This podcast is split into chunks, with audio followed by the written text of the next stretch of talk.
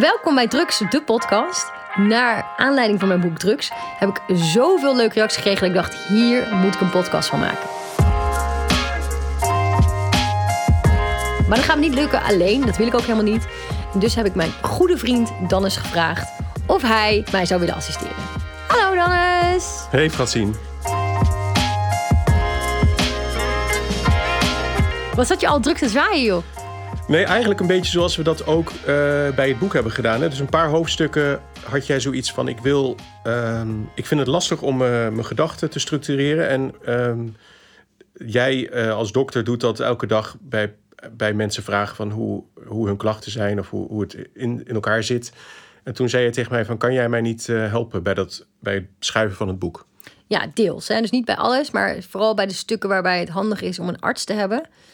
Ehm, of in ieder geval iemand inderdaad die de juiste vraag stelt, is prettig. Want we hebben natuurlijk ook nog Marloes, de co-auteur, Ja. die niet meedoet in deze podcast. Maar ehm, goed, Dannes, je zegt net al, je bent arts. Maar wat voor soort arts ben je normaliter?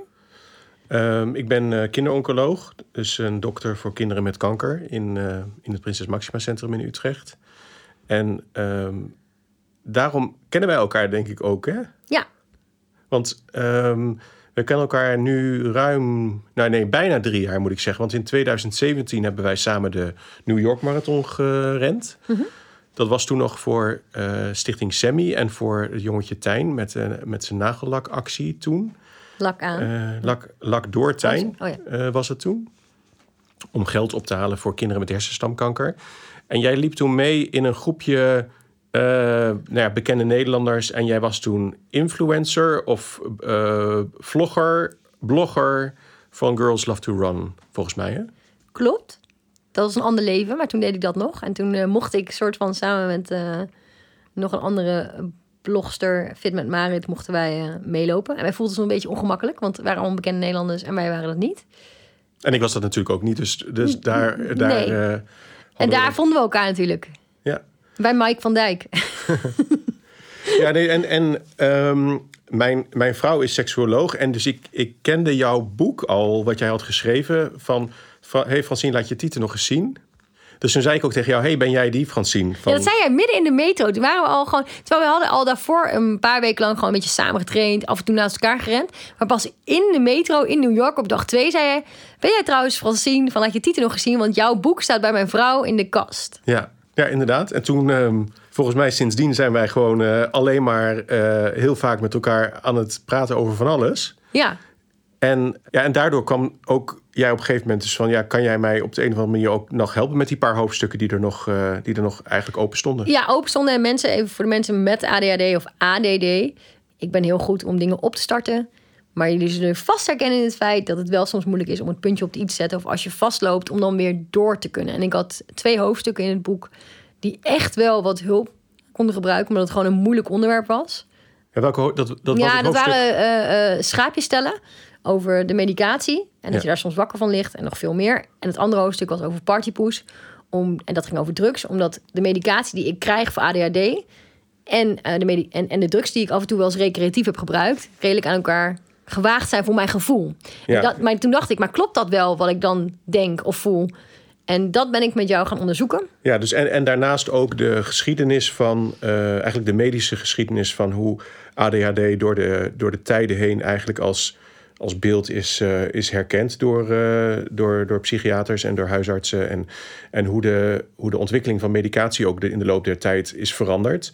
Het kwam denk ik ook een beetje doordat wij toen, toen we dat hoofdstuk, toen, ik die, toen ik hielp bij die hoofdstukken, dat je zei van ja, het is eigenlijk wel heel relaxed om tegen iemand aan te kunnen praten die ook af en toe weer vragen stelt en eh, daardoor eh, ook wat verdieping te krijgen. Dus toen, toen jij deze podcast ging maken, heb je me gebeld en toen zei je van ja, kan jij niet eh, gewoon zoals toen vragen stellen af en toe? Wat ADHD ook is, dus van de hak op de tak en de ene gedachte volgt de andere weer op. Ja. En dat is natuurlijk wat bij jou veel gebeurt. En waarbij ik ook wel, toen ik jouw boek las, ik herken ook in mijzelf wel dingen van, Echt? van dat ja. Dus ik, Wat dan? het was, nou, dat, dat hele associatieve. Dus dat je een gedachte hebt en dat je dan weer een andere gedachte hebt en dat andere gedachte hebt. En dat je, wat ik dan zelf creatief denken noem of zo. Maar dan zouden we dan niet moeten plaatsnemen in de slimste mens, allebei. Is dit niet onze open sollicitatie voor de slimste mens? Waar je niet eens de slimste voor hoeft te zijn. Je moet heel associatief zijn met wat je hoort. Ja, ik weet het. Ja, nou ja, misschien. Maar Ik denk wel dat jij meer kans maakt. Want jij bent een Ach, op. kinderkankerdokter. En dat is dan... Dat doet het dan denk ik toch beter dan een ADHD'er. Nou goed, ik weet heel veel over heel weinig. En eh, dus dat, dat, ik weet niet of ik in de slimste mens zou eh, een één aflevering zou redden. Ik, eh, ik zou het echt niet weten. Maar, maar laten we het vooral ook over jou hebben. Want Ja. dat is mijn rol hier, denk ik. om een beetje op de achtergrond af en toe wat vragen te stellen. Ook in de komende afleveringen. Ik hou eigenlijk wel van het ongefilterde en het niet altijd voorbereiden. Want daar ben ik ook wel goed in. Om er dan Ja, op dat er moment iets van te gewoon maken. dingen waarin je kan terugkijken... en dat je denkt, van dat heb ik allemaal heel impulsief gedaan... en dat heeft gewoon een goed effect gehad. Juist door dat niet voorbereiden. En juist door dat... Nou ja, de promotie van dit boek, Drugs, dat was echt... eh, daarin kreeg ik van alles wat ik had bedacht van tevoren nee. Dus ik heb bedacht dat, dat ik met Ikea samen wilde lanceren... omdat daar een heel hoofdstuk in het boek gaat over Ikea. Dat kon niet vanwege corona en dat was ook heel logisch... want we konden gewoon niet naar de vestigingen toe om daar iets te doen. Niet in ieder geval iets organiseren op dat moment. Dus ik kreeg nee te horen. Mijn uitgever zei ook, er is niet echt budget zelf... om het zelf op dit moment te gaan doen. En toen dacht ik, ja, maar mensen ik ben Francine met ADHD, maar meer nog ben ik misschien wel Francine van de marketing en de, en, en de grapjes en de golletjes en de campagnes. Dus het kan niet zo zijn dat er geen marketing om een boek wordt gedaan. En eigenlijk al die nee's tezamen, die zetten me aan. Ja, vi- vind je het misschien, eh, want ik denk dat ik wel ergens een beetje structuur voor deze eerste podcast dan moet aanbrengen. Dat het misschien eh, leuk is om te hebben over hoe jouw ADHD bijvoorbeeld in jouw werkzame leven werkt. Met al die gedachten en creativiteit. En het over IKEA te hebben. Wat IKEA voor jou betekent. En het, wat je dan in het boek beschrijft als jouw IKEA-moment bijvoorbeeld. En eh, is, dat, is dat een idee dat we het daar nu over hebben? Ja, Want ehm, zoals we dan nu dit eigenlijk improviserend nu aan het maken zijn, hoe, hoe werkt dat dan? Jij gaat dan ochtends sta je op en dan heb je je ochtendroutine. Dat komt in een van de andere podcasts nog wel aan de orde. Maar ehm, jij gaat dan naar je werk en dan kom je binnen daar. En hoe, wat gebeurt er dan? Wat, hoe gaat Francine dan als ideeëngenerator, denk ik dan, maar misschien moet je er zelf even wat over vertellen. Hoe gaat, hoe gaat die aan de slag? nou voordat ik aan de slag ga, ben ik eerst eh, bezig met een ereronde. Eh, ik, eh, ik loop de gang al in en, en ieder die ik zie, die krijgt echt een hey! En, en in een, nou ja, wij zijn niet een corporate, in dat opzicht dat we heel statig zijn. Maar we zijn wel gewoon een, een gedegen groot bedrijf in Nederland. Een uitzendbureau genaamd Timing. En eh, ik zit dan op het hoofdkantoor. En ik zeg bij voorbaat iedereen al gedag. Maar veel te vrolijk zullen mensen En waarom doe je dat? Omdat ik energie krijg als ik die mensen zie. Vind ik ook leuk. Ja. En ehm, ja, ik vind het ook gewoon gezellig of zo... om zo uitgebreid hoi tegen iedereen te zeggen. Mhm. En ik heb ook altijd wel iets meegemaakt. Zo, nou, ik loop dan de gang door, een soort van te, nou, bijna high five. En maar goed, hey, hey, hey. Mhm. En de directeuren zitten ook aan diezelfde gang. En die, nogmaals, die zijn eh, de directeur van 900 man. En daar komt dus Francine soort van aangewandeld met e, e, e. Eh, veel te En er zijn al vrolijk. 900 high fives eh, op zo'n Nee, nee, want we zitten door heel Nederland verspreid. Oh, gelukkig. Maar het gaat meer over dat. ik denk niet dat iedereen zo eh, uitgelaten richting directie eh, is. Dat iedereen daar best ook wel. Hè? Ja. Wat, wat, maar, nou ja, zich wat behouden in voelt. Maar dat heb ik dan totaal niet. Is misschien ook omdat de mensen die bij ons de directie betreffen gewoon hele leuke mensen zijn. En veel meer zijn dan die functietitel alleen. Oké. Uh, maar goed, ik loop dus door die gang en ik eindig uiteindelijk bij mijn eigen marketingteam, waar ik deel van ben. En eh, daar zitten dan eh, nou, vaak eh, pre-corona zitten daar iets van zes man. Nee, dus je prikkelt jezelf al enorm. Hè? Dus je komt binnen en je laat je enorm prikkelen door wie er dan ook allemaal rondloopt, die je dan ook nog eens vrolijk Nou, gaat ik, nou, ik krijg energie van die mensen. Dus, Oké. dus, dus, dus dat doe ik dan. Positieve energie. Positieve energie. Maar wanneer ga je dan ook echt aan het werk of is dit al werk? Nou, dat duurt vaak wel echt even een goed eh, half uur voordat ik opgestart ben. Want als ik dan op een gegeven moment mijn laptop heb opengeklapt, dan, dan moet ik nog steeds wil ik nog allemaal dingen vertellen van die ik die avond of die nacht of die ochtend, terwijl ik naar werk toe ging, mee heb gemaakt. Oké. En ik maak veel mee, mensen. Dat is geen grap. Ehm, ook al wil ik nog een, zo saai mogelijk leven, streef ik daar echt enorm naar. Maar het, het, ik, ik, ik waarneem veel. En nou, ik heb eigenlijk altijd iets te vertellen. En dat doe ik dan ook altijd even uitgebreid. En ik vraag ook al altijd eventjes, tenminste dat probeer ik wel. Ik ben ook altijd gewoon wel benieuwd wat, wat de rest heeft gedaan. Of iemand nog iets heeft meegemaakt. Ehm, iemand nog op een date is geweest. Of, eh, En heeft iedereen daar dan zo, zo ook wel even veel tijd voor om daar even bij stil te staan, wat iedereen zelf ook heeft meegemaakt? Nou, ja, eigenlijk wel. Maar ja, ja, ja, ik weet, ik denk, ik denk dat een groot deel van mijn werk waarom ik het daar zo goed tot mijn recht kom, is ook omdat men de ruimte en de- tijd wel voor elkaar neemt. Ondanks dat het druk is, proberen we wel gewoon echt aangeleid te blijven. En dat maakt het schakelen ook wel wat makkelijker. Dus je bent ook wel een sfeermaker op je werk. Eh, dus je bent ook wel iemand die eh, nou ja, gewoon zorgt voor verbinding tussen de mensen ook weer. Ja, dat denk ik wel. Ja. Ja. Dus dat is ook natuurlijk een belangrijke functie. En, Het is een en- beetje een functie die niet echt benoemd is in mijn functieprofiel. Maar ik denk dat het wel... Ik, ik, ik, kan, ik kan bruggen slaan die er niet altijd zijn. Of in ieder geval combinaties maken waarvan mensen denken... hé, hey, dat is... eh, Ja, want je houdt je heel erg met andere mensen bezig. Hè? Dus dat je, ehm, dat je eh, heel erg rekening houdt van... Vind, gaat het met die goed, gaat het met die goed en gaat het met die goed. Ja. Is dat ook, kom je ook zo binnen dan op je werk? Ja, ik, Ja. Ik, voel, ik zie namelijk zonder dat die mensen zelf misschien daar zich bewust van zijn... dat als er iets is, dan zie ik het ook. Dus ik, ik wil ook gewoon dat mensen vrolijk aan de dag beginnen... ook als ze het niet zijn. Mhm. Dus dan hoop ik gewoon een beetje... Ik bedoel, wie vrolijk is, krijgt ook wat endo- endorfine. Dus ook al heb je stress, ik bedoel, als er en- endorfine vrijkomt... tenzij je stress krijgt als je me ziet... ja, dat kan eigenlijk wel, eh, wel prettig zijn, denk ik. Hey, en, Ik kan en- hem ook irritant vinden, punt. Ja, nou dat kan. Maar hoe, ehm, hoe ziet jouw concrete werk er dan uit? Dus je bent dan een uur, laten we zeggen, je bent toch even wel een uur bezig Nee, met dat. nee, eh, nee, een uur. Dat is overdreven. Oké, een half uur. Half uur. En dan ga jij zitten onder dat bureau, eh, in het bureau wat, wat jij zelf beschrijft, liefst in de bezemkast zit, omdat je je op een gegeven moment ook wel weer. Nee, van- want, want dat, ik, ik bedoel, vaak staan er wel meetings, dus die heb je dan eerst. Maar op een gegeven moment wordt wel verwacht dat je daadwerkelijk iets gaat doen. Ja, Maar dan begint dan? voor mij eigenlijk de grootste uitdaging. Want A, dat wat ik heb toegeschreven gekregen of toe heb geëigend, wat wordt er eigenlijk van me verwacht? Wanneer moet het opgeleverd worden? Dat zijn vaak dingen die ik niet helemaal scherp heb. Of ik heb ze scherp genoeg, maar ik voel de stress van. Dus vermijd ik ze. Dus ik ga op een gegeven moment zitten, ik klep mijn laptop open en dan probeer het soms nog wel gewoon even waar mijn collega's bij zijn. Maar ja, ik krijg dan zoveel prikkels, zowel omdat het A, een heel licht kantoor is. En B, ja, ik vind het ook gewoon heel gezellig om de hele tijd te, praten, te blijven praten. Want wat, wat moet jij daar eigenlijk doen? Staat er ergens op papier wat, wat, wat er van jou verwacht wordt dat jij doet? Ja, ik ben een eh, community manager. In feite intern gericht. Dus ik moet zorgen dat de 900 medewerkers geüpdate worden met bedrijfsinformatie. Maar die vind ik wel dat dat leuk moet zijn. Eh, over ontwikkelingen binnen het bedrijf. Ehm, dat is eigenlijk mijn functietitel. En ik heb een intranet wat ik soort van moet bijhouden. Of in ieder geval eh, waar ik op toezie. Maar ik ben er wel vrij gauw achter gekomen dat ik een manus van alles ben. En dat ik toch meer de content producer ben. Dus ik heb een goed naar buiten idee. toe of naar binnen toe nog steeds? Allebei. Oké. Dus ik, ik, ik probeer, nou ja, opdrachten die men heeft om iets naar buiten toe te brengen of juist naar binnen, om die te verbeelden of te vermarkten. En daar heb ik gewoon grappige ideeën voor. Alleen, ehm, er zit dus ook niet heel veel structuur in mijn dag. Dat doe ik ook zelf eigenlijk. Maar als ik dan op een gegeven moment, bijvoorbeeld stel ik moet een presentatie voor een, eh, het eindejaarsgeschenk maken, wat een paar maanden van tevoren moet, om dat eerst aan de directie te presenteren, dan moet ik wel echt, om dat te kunnen maken, moet ik in eerste instantie even kunnen sparren. Ik, ik, ik, ik snap dat mensen het prettig vinden als je allemaal grappige ideeën hebt. Of leuke ideeën daarvoor om dat eh, op papier te zetten eh, in je eentje en dan uit gaan werken. Maar, maar ik vind het wel lekker. Ik kom op ideeën als ik met mensen aan de praat raak. En ik heb gaandeweg al allemaal ideeën opgedaan. Zeker omdat het dit jaar zo'n raar jaar was. Als het even over het eindjaarsgeschenk hebben van eh, wat er komen gaat. Ik mag natuurlijk niet verklappen wat. Maar ik heb al wel gaandeweg heb ik allemaal dingen al opgeslagen in mijn achterhoofd. Maar ik heb daar nog niks mee gedaan. En dan ga ik even praten met een van mijn collega's daarover. Eh, en dan vervolgens probeer ik die ideeën om te zetten tot een presentatie. En, en ja, dan moet volgens daar alles voor geregeld worden. En dan moet het ook worden voorgelegd aan de directie. Soms word je teruggestuurd naar een tekentafel. Maar op zo'n day-to-day basis moet ik dan wel... Ik moet echt even op een gegeven moment de uitwerking ervan mezelf terugtrekken. Want ik krijg dat gewoon niet gedaan als heel veel mensen om me heen zijn. En als het te licht is.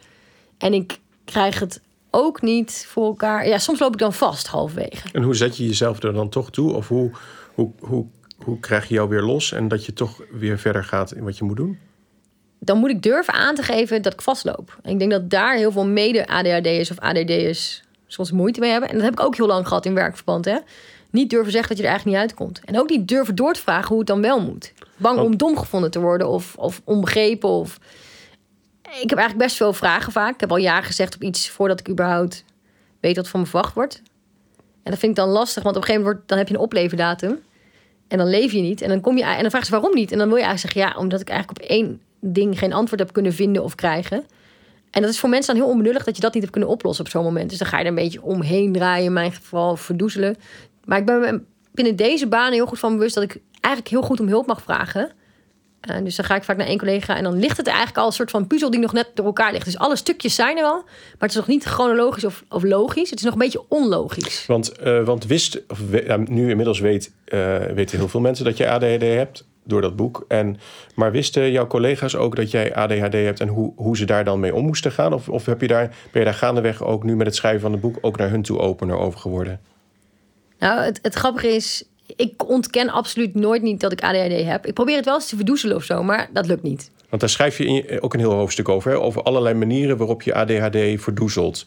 Verbloemt eigenlijk. Want bij heel veel mensen is het niet, bij, jong, bij, bij, bij vrouwen in ieder geval, is het iets wat tot hele lange leeftijd soms. Ja, het hoort bij vrouwen dat we veel praten, uh, dat we gezellig, van gezelligheid houden. Dus het blijft een beetje. Uh, ja, het blijft een beetje verborgen of zo. Omdat het okay. zo, zo, zo logischwijs aan, aan vrouwen wordt toebedeeld.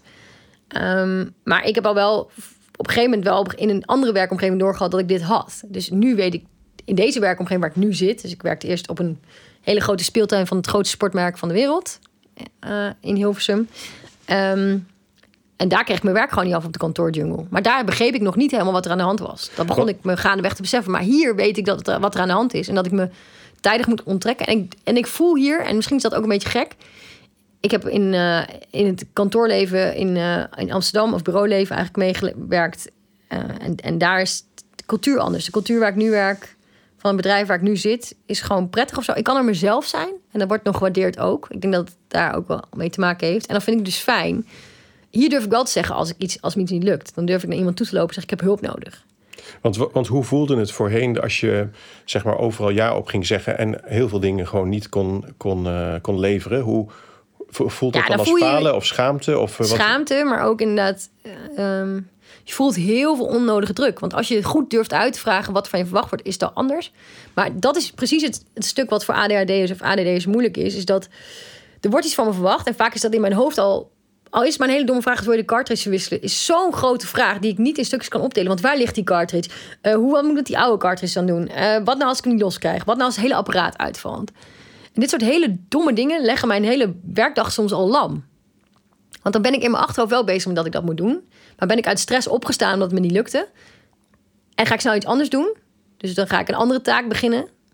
En dan begin ik op van. En dan krijg ik daar weer stress van. En vervolgens word ik aan het einde van de dag gevraagd... waarom is de cartridge niet... Uh, uh... Oh, oh, dat oh, helemaal vergeten, zeg ik dan. Maar soms blijft die cartridge ook als een donkere wolk boven je hangen. Van ja, die cartridge, ja, ik, ik weet echt niet hoe, wat ik nu moet. Ja, en, het is een heel, heel, heel, zeg dat... Het is een heel basis iets wat dan niet lukt. En wat dan dus de rest van zo'n dag in de weg staat. En dat, is, en dat maakt dat je dan soms dus naar de negatieve kant van jezelf toe gaat. Van shit, dit is ook weer niet gelukt. Terwijl dit is zo simpel, waarom lukt me dat niet? Ja.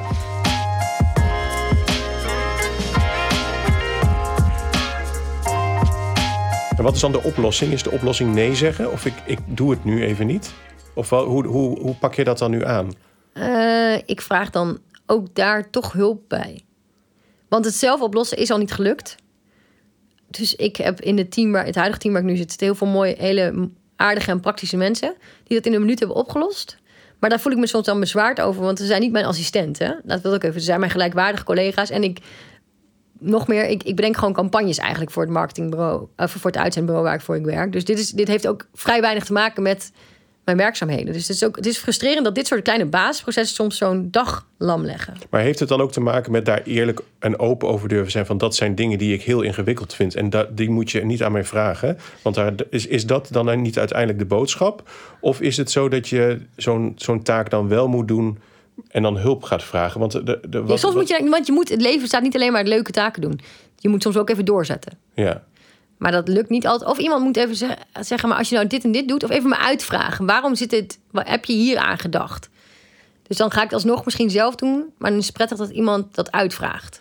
Want, eh, want eh, dat, dat zijn dus de negatieve kanten. Maar wat zijn nou jouw superpowers waardoor jij nou zo goed bent op je werk uh, en, en je waardeer, gewaardeerd wordt? Kan je dat vertellen? Wat er zo wat er zo goed is aan jouw ADHD eigenlijk in de context van jouw werk? Um, ja, dat ik anders denk. Dus ik denk niet rechtlijnig, dus ik denk op die andere manier. En ik kan snel dus die brug slaan tussen afdelingen en collega's. Waar die, ja, dus ik ben ondersteunend aan mensen die eigenlijk al wel een bepaald idee hebben, maar dat, dat moet nog verder of dat moet nog een creatieve invalshoek. Maar wat grappig is, wat voor mij zo normaal is, dat ik daar een associatie bij krijg en dat dat dan toevallig heel goed past, dat is voor hen echt hogere wiskunde. Zoals voor mij die cartridge hogere wiskunde is. Ja.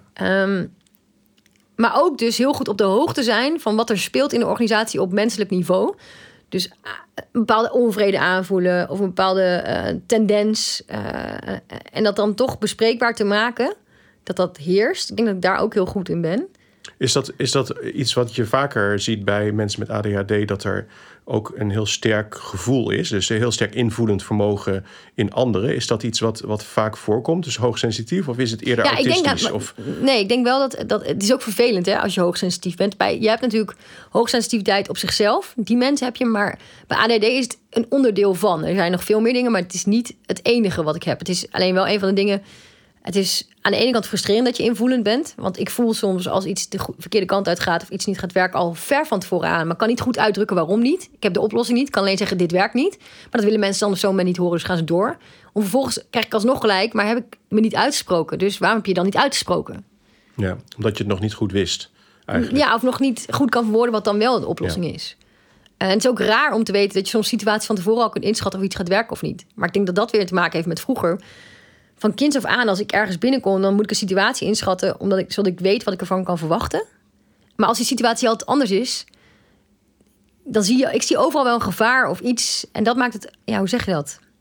Het is een soort onvoorspelbare jungle waar je iedere keer in kan belanden. Ja, en die, en, dat, en die omgeving is ook telkens anders. En dat vind ik er aan de ene kant lastig aan, maar het is ook wel een voordeel. Het is een soort van als ik altijd al drie uh, rampscenario's op uitgeschreven. Want ik zie overal beren op de weg. Dus uh, welk scenario werkt dan wel? Daar ben ik altijd naar op zoek. Maar ik voel dus wel heel goed aan. Of ik zie het al gewoon als er soms iets wordt bedacht. Denk ja, jullie kunnen denken dat dit gaat werken. Maar het gaat om die en die reden niet werken. Want laten we zeggen, de entry level is te hoog. Of er zijn te veel stappen wat het ingewikkeld maakt. Waardoor mensen gaan afhaken. Maar het is ook wel frustrerend soms. Uh, dat mensen dan dat niet willen horen dat je dat zegt. Want je legt even hun werk plat. Omdat jij denkt dat iets niet goed gaat. Maar vaak krijg ik dan toch wel gelijk. Maar ja, dan heb ik niks gezegd, dus dan heb ik ook geen, geen punt meer te maken. Want ja, dan had je dat maar moeten zeggen.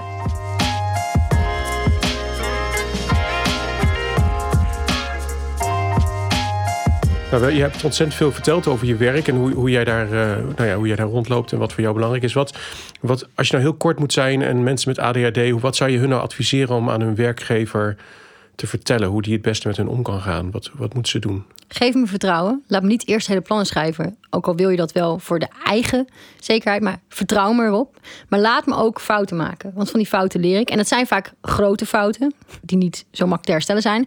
Maar die wel te verpletteren zijn. Als je me de ruimte geeft. Dus geef de ruimte. En wat ik ook heel belangrijk vind is.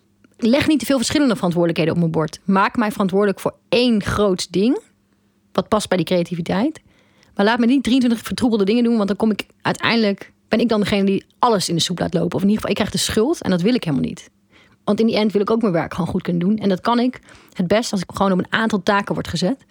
En dat ik daar een soort van groots in kan zijn. Dus wees dapper en uh, heb vertrouwen in je werknemer eigenlijk. Dat, dat ja. wil je zeggen. En dat die fouten er zijn, dat hoort bij ADHD. Maar dat maakt ook, daar zit de chaos in. En de chaos kan ook zo leuk zijn als je dat omarmt. Dat, dat is nu op mijn huidige werk absoluut het geval. Ik kom ook vandaag van mijn werk af met de grootste glimlach. Het is fantastisch daar. Daar kan ik echt met recht zeggen. Als ik morgen ontslagen word, dan heb ik dit niet gezegd. Ja, dus zet in je vacaturetekst uh, liefst een ADHD'er. Want dat is een verrijking voor je bedrijf. Nou, dat denk ik echt. Ja, ik nou, ben eigenlijk in mijn vrije tijd Chief Happiness Officer.